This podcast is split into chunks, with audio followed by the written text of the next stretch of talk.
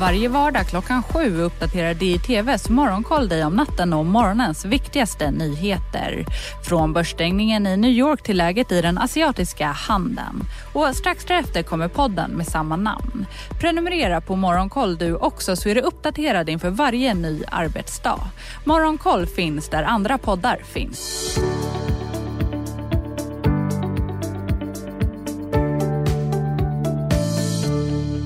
Välkomna till ett nytt avsnitt av podden Smarta pengar där vi pratar om allt som har med privatekonomi att göra.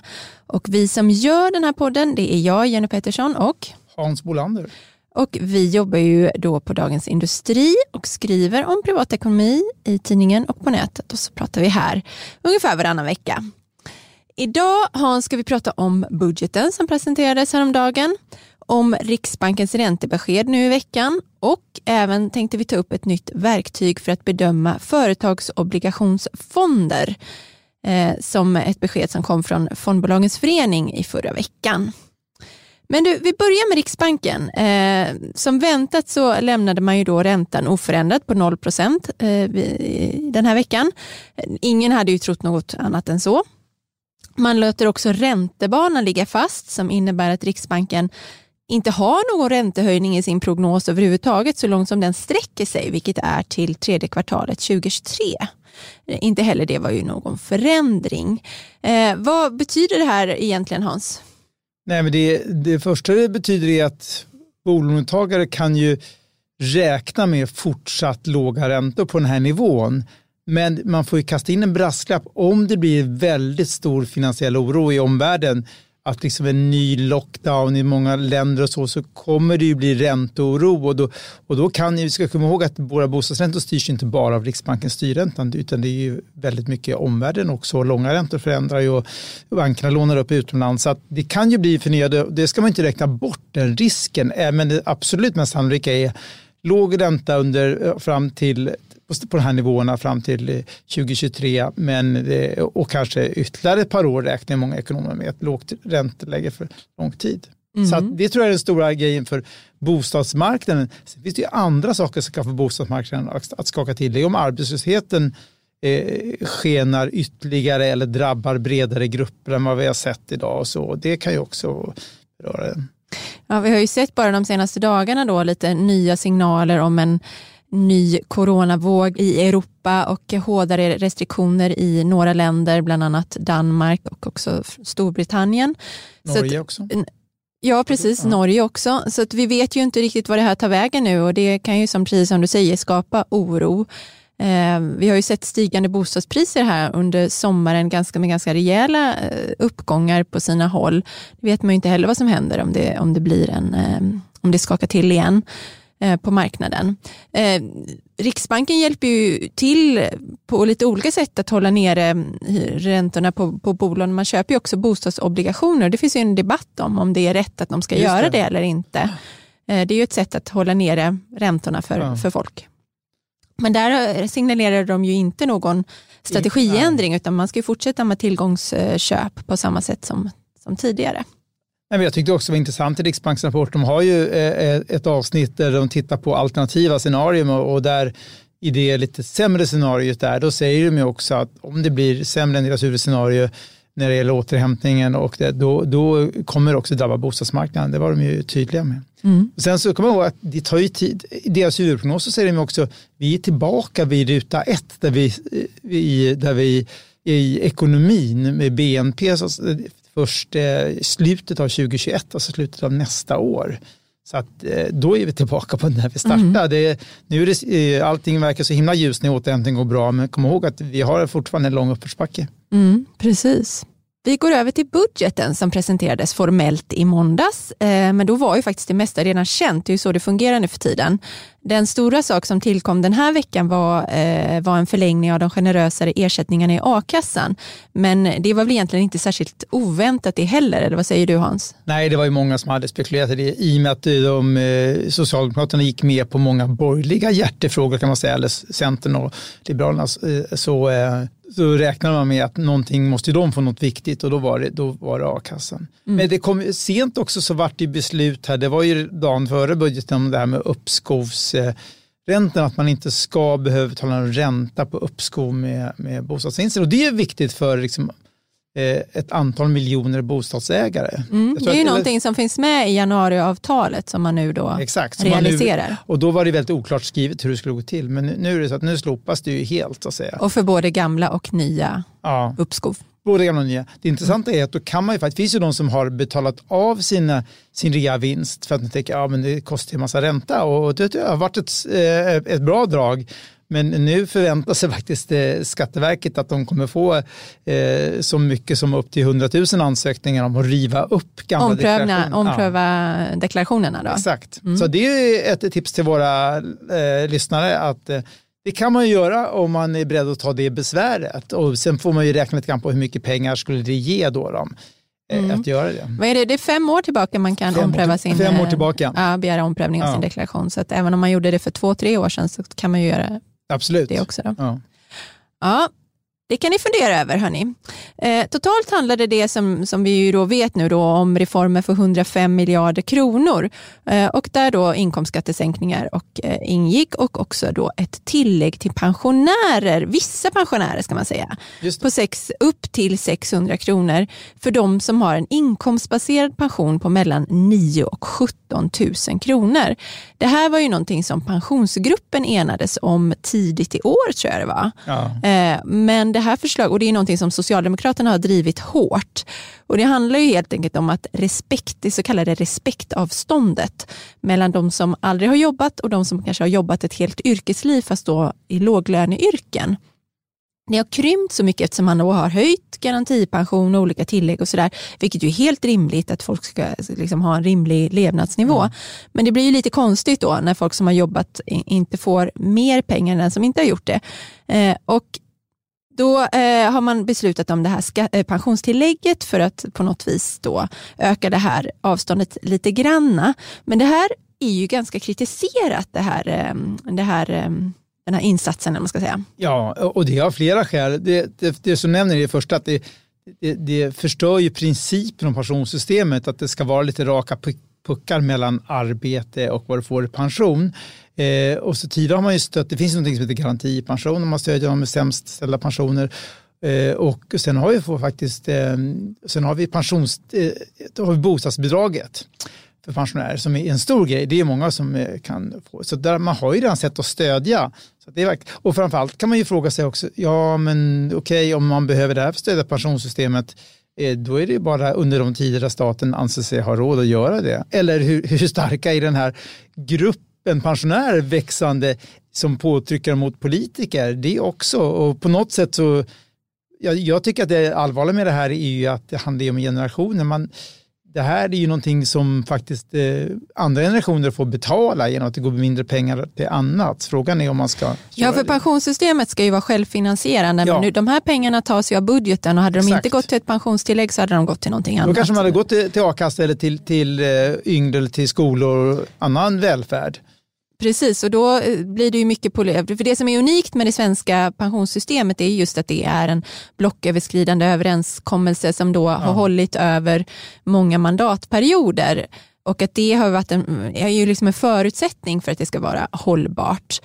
Eh, och det är ju ett system som eh, lovordas från, på många andra håll. Man kan ha kritik mot att pensionerna blir för låga och sådär, men det är, ändå, det är ändå byggt för att vara stabilt. Ja. Men om vi nu öppnar för att liksom plussa på och eh, lägga till och liksom lite som, som just då det politiska klimatet är just då. För nu har pensioner har ju varit en väldigt stor fråga och det, det, det är klart att det är jätteviktigt, men, eh, nej, men det öppnar ju för att hela, hela systemet eh, det blir lite som skattesystemet. Liksom. Det är massa undantag och tillägg och ditten och datten. Svåröverblickbart och också då inte, eh, ja, man går från principen som ja. gäller från början. Och, och jag tycker egentligen en viktig invändning är också det där att vi behöver, eh, de flesta politiker inser att vi behöver få så många som möjligt i arbete.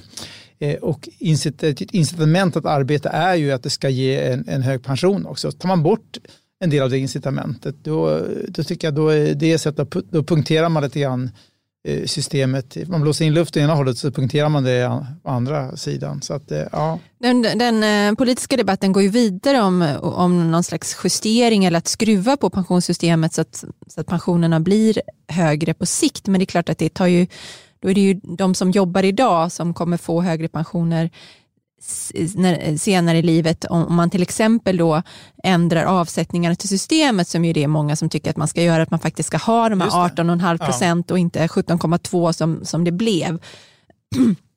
när, man, eh, när man enades om det här systemet, eller när, man, när systemet skulle införas, då hade man ju sagt att avsättningarna skulle vara 18,5 procent av inkomsten. Men med lite olika abrovinker och kompromisser hit och dit och så, så blev det inte riktigt, så blev det lägre. Och det är klart att den där skillnaden mellan 17,2 och 18,5 det blir ju mycket pengar över tid. Det. Så det är klart att om man, men det, det, är ju mycket svårare då att genomföra politiskt. Eh, för vem ska, vem ska stå för de där, den där 1,3 procentenheten då? Är det arbetsgivarna eller är det staten eller är det den enskilde eller så? Eh, så det är klart att då kan man dra till med ett sånt där tillägg istället så gör man det lite lättare för sig. Fast ja. det finns komplikationer med det också.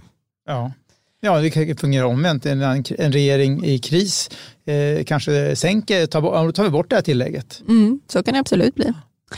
Du, eh, I budgeten så fanns det också inkomstsänkningar för pensionärer.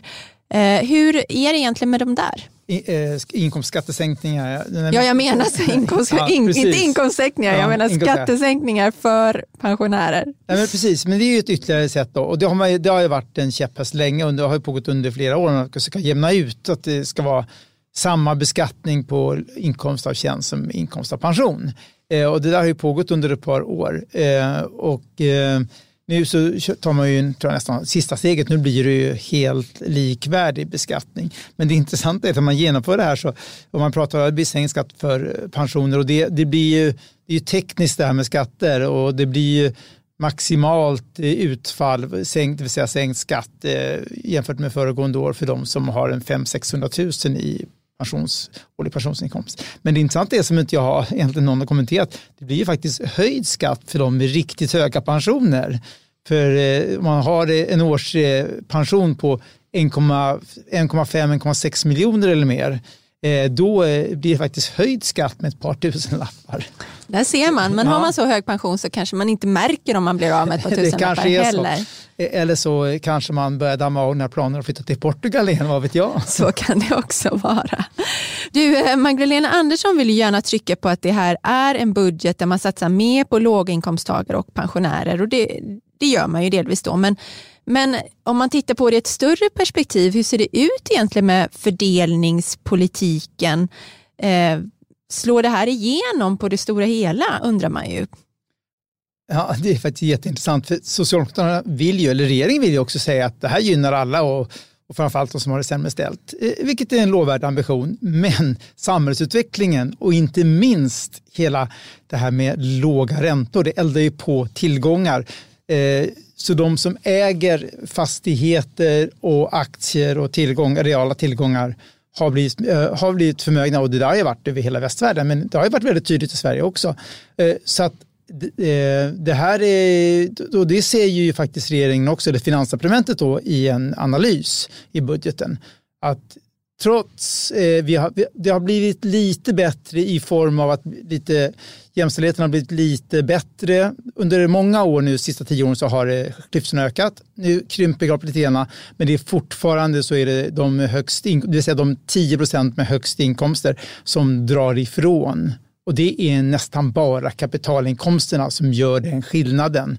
Så att, eh, och det är egentligen inte så himla konstigt. Sitter man på mycket tillgångar Eh, och börserna bara går upp och fastigheter blir bara mer värda så, så, så ökar ju klyftorna. Det kan liksom ingen finansminister i världen Nej, det är svårt åt. att kompensera det med ett pensionstillägg på 600 kronor. Exakt, då, ska man, då börjar man prata om det som eh, Piketty pratade om, den franska ekonomen, eh, förmögenhetsskatt och arvsskatt igen. Och, Sånt som vi har avskaffat i Sverige. Exakt, ja, det, eh, och det tror jag fortfarande är tabu i svensk politik. Det finns massa skevheter med det, då kanske folk flyttar till Schweiz. Och, ja, det är inte ett optimalt sätt, då, tror jag. Men, eh, men det, absolut, det är många som får fram det. det men det är en intressant eh, diskussion. Vad, vad tänker du om det där? Nej, men det är intressant att, att ja, man kan göra de här satsningarna men budgeten är ändå begränsad liksom, och det är så mycket annat som påverkar hur klyftorna utvecklas i samhället. Man kanske ska eh, på olika sätt få fler att spara i i aktier eller möjlighet kunna hjälpa fler att köpa bostäder och så. Det, det är faktiskt ett sätt att motverka ja, Där tycker jag att det offentliga har också ett ansvar att informera folk om att utbilda folk om privatekonomi. Det har vi ju pratat om förut, ja. att man borde ha privatekonomi i skolan till exempel. Så att det inte bara är de som har föräldrar som redan vet eh, hur det funkar med att spara i fonder och eh, fördelar med börsen på lång sikt och sådär som gör det, utan att man kan få in även andra grupper i ett sådant sparande då som som kan börja pensionsspara tidigt kanske och eh, då ta nytta av de här ränta på ränta effekterna. Eh, så där tycker jag faktiskt att man eh, kunde göra mer från eh, statens håll, skolans håll för att, och på, den, på den vägen då, kunskapsvägen, jämna ut klyftor. Aha. Ja, jag, jag, tror definitivt att det är rätt väg att gå. Vi såg ju hur allemansfonder och liknande infördes.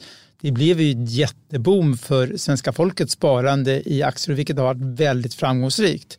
Eh, och även PPM skulle komma ihåg som kritiseras ibland har också varit väldigt framgångsrikt eh, oavsett om du har varit intresserad eller inte för du har parkerat pengarna i soffliga fonder så har det gått bra.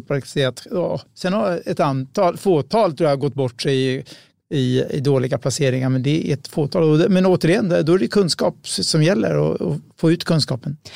Ja, och vi pratar ju ofta om att man, vi jämför fonder här och man tycker man tycker man ska se över sina fonder regelbundet och välja bort fonder som underpresterar och så. Men i den diskussionen ska man ändå komma ihåg att även fonder som utvecklas kanske lite sämre än sitt snitt är ju, har ju varit en bättre investering än ett bankkonto sett över eh, en längre tid. Eh, så att man behöver kanske inte känna sig jättedeppig för att ens Sverigefond inte har eh, varit på topp top, top 10 eller topp 5, utan man kan ha fått en ganska bra avkastningen då. Eh, så hellre, hellre liksom ta en fond eh, som presterar okej okay, än att ha pengarna på ett bankkonto i 20 år. Men med det sagt så tycker vi att man ska se över och ja. välja bort dåliga fonder. Exakt. Man ska vara lite nördig helt enkelt. Ja, lite, lite nördighet är bra i de här sammanhangen. Du, nu när vi är inne lite på det här med fonder så tänkte jag att vi byter ämne till företagsobligationsfonder som är någonting som vi har tagit upp här flera gånger. Med tank och inte minst då eh, utifrån vad som hände i våras ja, när den marknaden hel kollapsade när, eh, när det blev sån oro på finansmarknaderna. Och de här fonderna eh, rasade i värde och en del av dem stängde också för uttag vilket gjorde många eh, sparare mycket frustrerade. Och många hade in, ja, säga att det var ganska brett eh, ut, utbrett att man inte hade koll på kredit och likviditetsrisker som faktiskt finns i de här fonderna. Och det beror ju delvis då på att det här EU-standardiserade riskmåttet som man använder för fonder, som är då en skala mellan 1 och 7, det speglar då historiska svängningar i en fond. Eh, och de är liksom, det är liksom anpassat för aktiefonder och, och, går inte lika bra att applicera på företagsobligationsfonder men det är ändå det, ändå det enda riskmåttet som används då. Och Det förklarar lite varför man kanske inte hade sett eh, de här riskerna i de här fonderna. Men nu då har fondbolagens förening för att, för att liksom hantera det här som hände då eh, i, i eh, våras så har man infört ett nytt nyckeltal eller ett slags mått då för företagsobligationsfonder. Eh, det är som liksom en reaktion på vårens turbulens. Då. Ja, du, du tittade lite Ja, de det. kallar det för spread-exponering. Och tanken med det då är att det ska visa hur stort värdefall det blir i en sån här den här typen av räntefond om ränteskillnaden mellan fondens innehav och statsobligationer fördubblas. Och Det blir då ett slags mått på kredit och likviditetsrisk i den här fonden. Och Det här ska redovisas i fondernas års och halvårsberättelse är det tänkt. Och min reflektion är att det här är ett väldigt lovvärt initiativ. Jag tycker det är bra att fondbolagens förening agerar. Men det finns ju också en del problem med det här och det är ju att det är ganska svårgreppbart. Ja, eh, och, det låter ju inte lättillgängligt i nej. Och att det bara finns då i årsredovisningen och i halvårsberättelserna betyder ju att det blir ganska svårt för de flesta sparare att hitta det här. De flesta let, väljer ju sina fonder kanske på, sin, på bankens eh, hemsida, på fondlistan, man tittar kanske på betygen, man tittar på historisk avkastning, man tittar på de här Morningstars stjärn, stjärnbetyg. Då. Um, och så går man på det mycket. Så det är ganska få som sitter tror jag och kollar årsberättelser och halvårsberättelser och sånt där. Jag tror att det är fler aktieägare som tittar i de bolag har valt i deras årsredovisningar än vad fondsparare tittar i årsredovisningar för fonderna. Så Men då säger Fondbolagens förening att det är ju det enda allt annat är ju styrt av EU-regler så det är ju det enda de egentligen eh, kan styra vad, vad, deras medlemmar då som gör de allra flesta fondbolag i Sverige vad deras medlemmar ska inkludera i sina årsberättelser. Så de gör ju så gott de kan här får man ju ändå ge dem. Men eh, risken är ju att spararna inte alls hittar fram till det här. Men vad tycker du då? Vad, vad kan, kan inte fondbolagen själva agera? Jo, jag tycker att fondbolagen har ett stort ansvar här att själva vara tydliga med den här informationen. Om man då till exempel tittar på en fond Eh, på, eh, på, säg att man är inne på Morningstar så kanske man klickar sig vidare till fondbolagets hemsida. Jag tycker de själva borde lyfta upp det här och, så, och tydligt beskriva riskerna med de här fonderna så att folk blir lite medvetna. Men jag pratade med Jonas Lindmark på Morningstar om det här och han sa att om nu är det här någonting som eh, den här svenska intresseorganisationen har tagit fram, men om fler länder skulle göra det, då skulle till exempel Morningstar på sikt kanske kunna väga in det i sin information som man sen säljer vidare då till olika plattformar och sådär.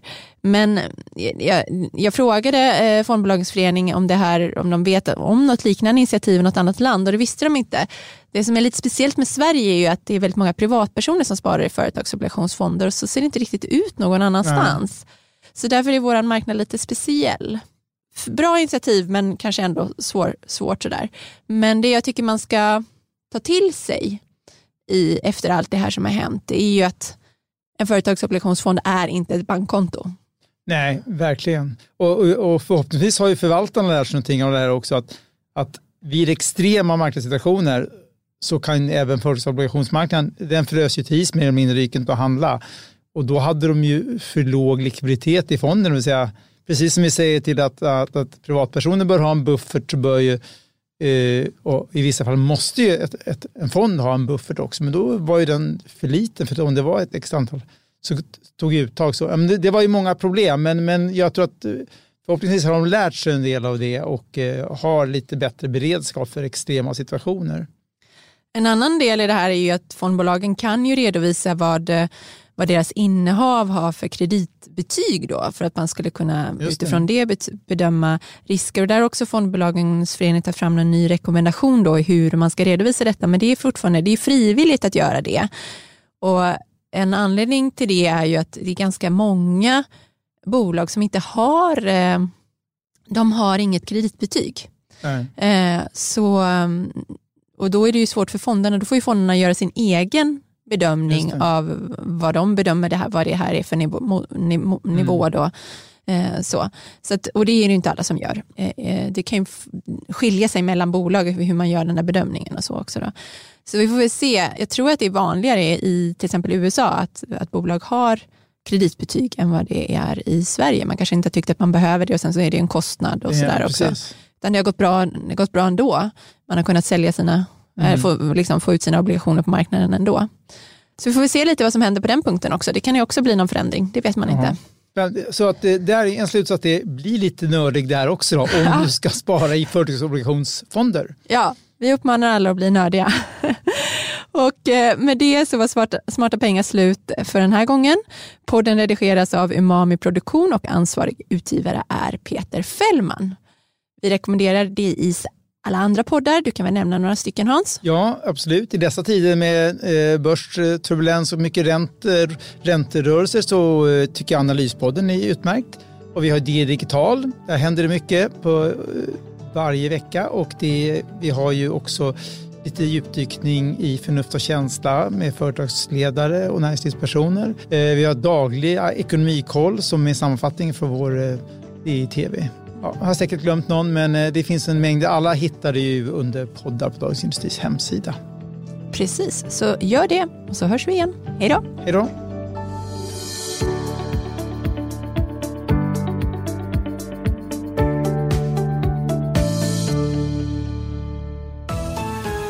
Hej! Andreas Johansson på DIs nyhetsmagasin Ekonomistudion här. Vi fördjupar oss i de viktigaste frågorna och möter Sveriges makthavare inom ekonomi och politik. Ekonomistudion finns där poddar finns varje dag klockan 16.